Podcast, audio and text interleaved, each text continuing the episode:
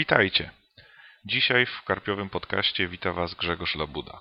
Część z Was może mnie zapewne kojarzyć z podcastu Radio SK poświęconego twórczości Stephena Kinga, gdzie byłem już kilka razy gościem u Huberta Spandowskiego i omawialiśmy tam książki Kinga. Zawsze były to audycje, które prowadziliśmy w duecie. Tym razem witam Was solo, debiutując w Karpiowym Akwarium i chciałbym zaprezentować Wam moje przemyślenia, moją mówioną recenzję książki, tym razem nie Stephena Kinga, a innego amerykańskiego pisarza, Cormaca McCarthy'ego. Dosyć długo zastanawiałem się, jaką pozycję wybrać na debiutancki odcinek u Karpików. I zacząłem błądzić myślami przez listę przeczytanych przeze mnie w tym roku książek, aż w końcu uznałem, że idealna na rozpoczęcie będzie właśnie droga. Polecono mi ją i zaznaczono, że będzie to lektura dobra, ale niekoniecznie pozytywna. Z tą opinią zgodzę się, a powiem nawet więcej, książka jest rewelacyjna. Nie jest to jednak lektura lekka, łatwa i przyjemna. Zanim przejdę do opisywania samej książki i fabuły, świata, jaki wykreował McCarthy, chciałbym skupić się na moment na szczegółach natury technicznej, wydawniczej. Obecnie na polskim rynku mamy już drugie wydanie Drogi, a zawdzięczamy je wydawnictwu literackiemu, które już od dłuższego czasu wprowadza kolejne powieści McCarthy'ego na nasz rynek i czyni to w sposób dobry. Książki te są wydane estetycznie, i w praktycznie każdej księgarni rzucają się w oczy swoimi dobrymi, rozsądnie rozplanowanymi okładkami. Tym, co przyciąga do wzięcia w swoje ręce drogi, jest także napis głoszący, iż otrzymała ona nagrodę Pulitzera. Stało się to w roku 2007, dwa lata przed tym, kiedy powieść sfilmowano. W polskim wydaniu zamieszczono także na ostatniej stronie krótką opinię Jacka Dukaja, który niezwykle pozytywnie wypowiada się na temat e, drogi. Czyni on zresztą tak samo w ostatnim listopadowym numerze Nowej Fantastyki, gdzie w dosyć długim, siedmiostronicowym artykule poświęconym prozie zagranicznej ponownie wychwala drogę McCarthy'ego. Jeszcze na zupełnym marginesie warto zaznaczyć, że droga doczekała się także wydania w formie audiobooku w interpretacji Krzysztofa Gosztyły. Przechodząc nareszcie do omawiania samej książki, mam dosyć poważny problem, gdyż McCarthy w drodze nie raczy nas porażającą liczbą szczegółów dotyczących świata czy też bohaterów. Mówiąc w skrócie, mamy do czynienia z nienazwanym krajem, bezimiennymi bohaterami, którzy zwracają się do siebie per ojciec i syn. Nie wiemy, w którym roku toczy się akcja książki. Nie wiemy, co stało się ze światem, który ucierpiał w wyniku nieokreślonego kataklizmu. Tak naprawdę wiemy tyle co nic. A jakby tego jeszcze było mało, McCarthy raczy nas bardzo oszczędnymi zdaniami, krótkimi wymianami opinii. Praktycznie nie ma w tej książce informacji, na podstawie których moglibyśmy wywnioskować coś więcej. Jesteśmy skazani na ascetyczną formę przekazu, ba, nie ma tam także nawet mm, właściwych dialogów. Są po prostu zdania, częściej wyrazy, które należy przypisać dwóm podążającym osobom. W tym miejscu większość osób, która nie miała jeszcze do czynienia z, z tą pozycją, mogłaby uznać, że nie ma sensu jej czytać.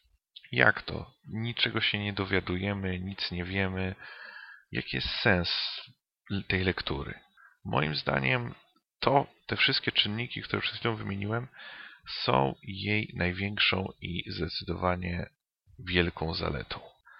Przede wszystkim nie musimy skupiać się na pomysłach kolejnego autora, który raczy nas wirusem, hekatombą, zamachem, terrorystami, innymi tego typu rzeczami, dostajemy świat postapokaliptyczny w jego najlepszej, najszczerszej i też najprostszej postaci.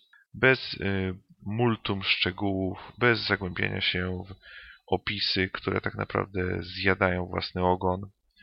Dostajemy historię zwykłych ludzi, nie jakichś bohaterów, ludzi z przesłaniem, natchnionych. Nie, po prostu zwykłych ludzi, którym udało się przetrwać przez nie wiadomo czym spowodowany wypadek w skali makro i podążają przed siebie, wprost, po owej tytułowej drodze. My, w trakcie lektury, jesteśmy świadkami tylko części tej podróży. Nie widzimy jej całej od początku do końca, a dostajemy jedynie wyrywek. Fragment, który mocno opisuje świat po tej nienazwanej apokalipsie.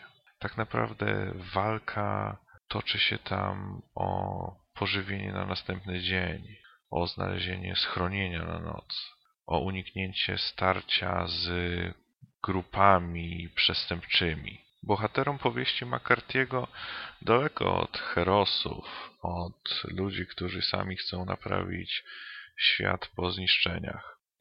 Dla nich najważniejsze jest przetrwanie, zachowanie resztek człowieczeństwa. Tutaj nikt nie sili się na odbudowywanie ładu tego, co było wcześniej. Po prostu nie ma na to siły, możliwości i chyba także nadziei. Jest to czynnik, który stanowi zdecydowaną zaletę drogi, że daleko tu od baśniowego ukazania postapokalipsy, że mamy tu do czynienia z obrazem brutalnym, momentami wręcz przerażającym. Przytoczę tutaj tylko dla tych, którzy już czytali tę pozycję, scenę wejścia do piwnicy. Bez obawy nie jest to spoiler, także to, że o tym momencie wspominam teraz nie zepsuje wam przyjemności z lektury. Jest to fragment, który po prostu poraził mnie i to był chyba moment, kiedy przerwałem lekturę tej książki na raptem pewnie parę godzin, gdyż uporałem się z nią dosyć szybko i na koniec pozostałem wstrząśnięty i to totalnie. Pomysł McCarthy'ego na książkę idealnie także widać w formie narracji, braków interpunkcji, momentami urywanych zdaniach. To przekazywanie szczątkowych informacji tym bardziej przytłacza czytającego. Wydaje mi się, że książka straciłaby dużo, gdyby była napisana bardziej literackim, płynnym językiem. Wtedy byłaby to po prostu książka, której treść jest znakomita, natomiast forma została niewłaściwie dobrana. W tym przypadku osiągnięto perfekcyjne zestawienie formy i treści. Nie zostało mi już chyba wiele do dodania. Mógłbym tylko po raz kolejny powtarzać się o poruszonych już tutaj tematach. Ze swojej strony książkę zdecydowanie polecam tym, którzy jeszcze jej nie czytali. Zbliżają się długie jesienne wieczory i taka lektura będzie chyba idealna na jeden z nich. Tymczasem ja się odmeldowuję, życząc miłej lektury i mając nadzieję, że ten podcast zachęci tych, którzy nie czytali drogi do sięgnięcia po tę książkę. Naprawdę warto. Emocje gwarantowane. Trzymajcie się i do mam nadzieję następnego razu. Cześć!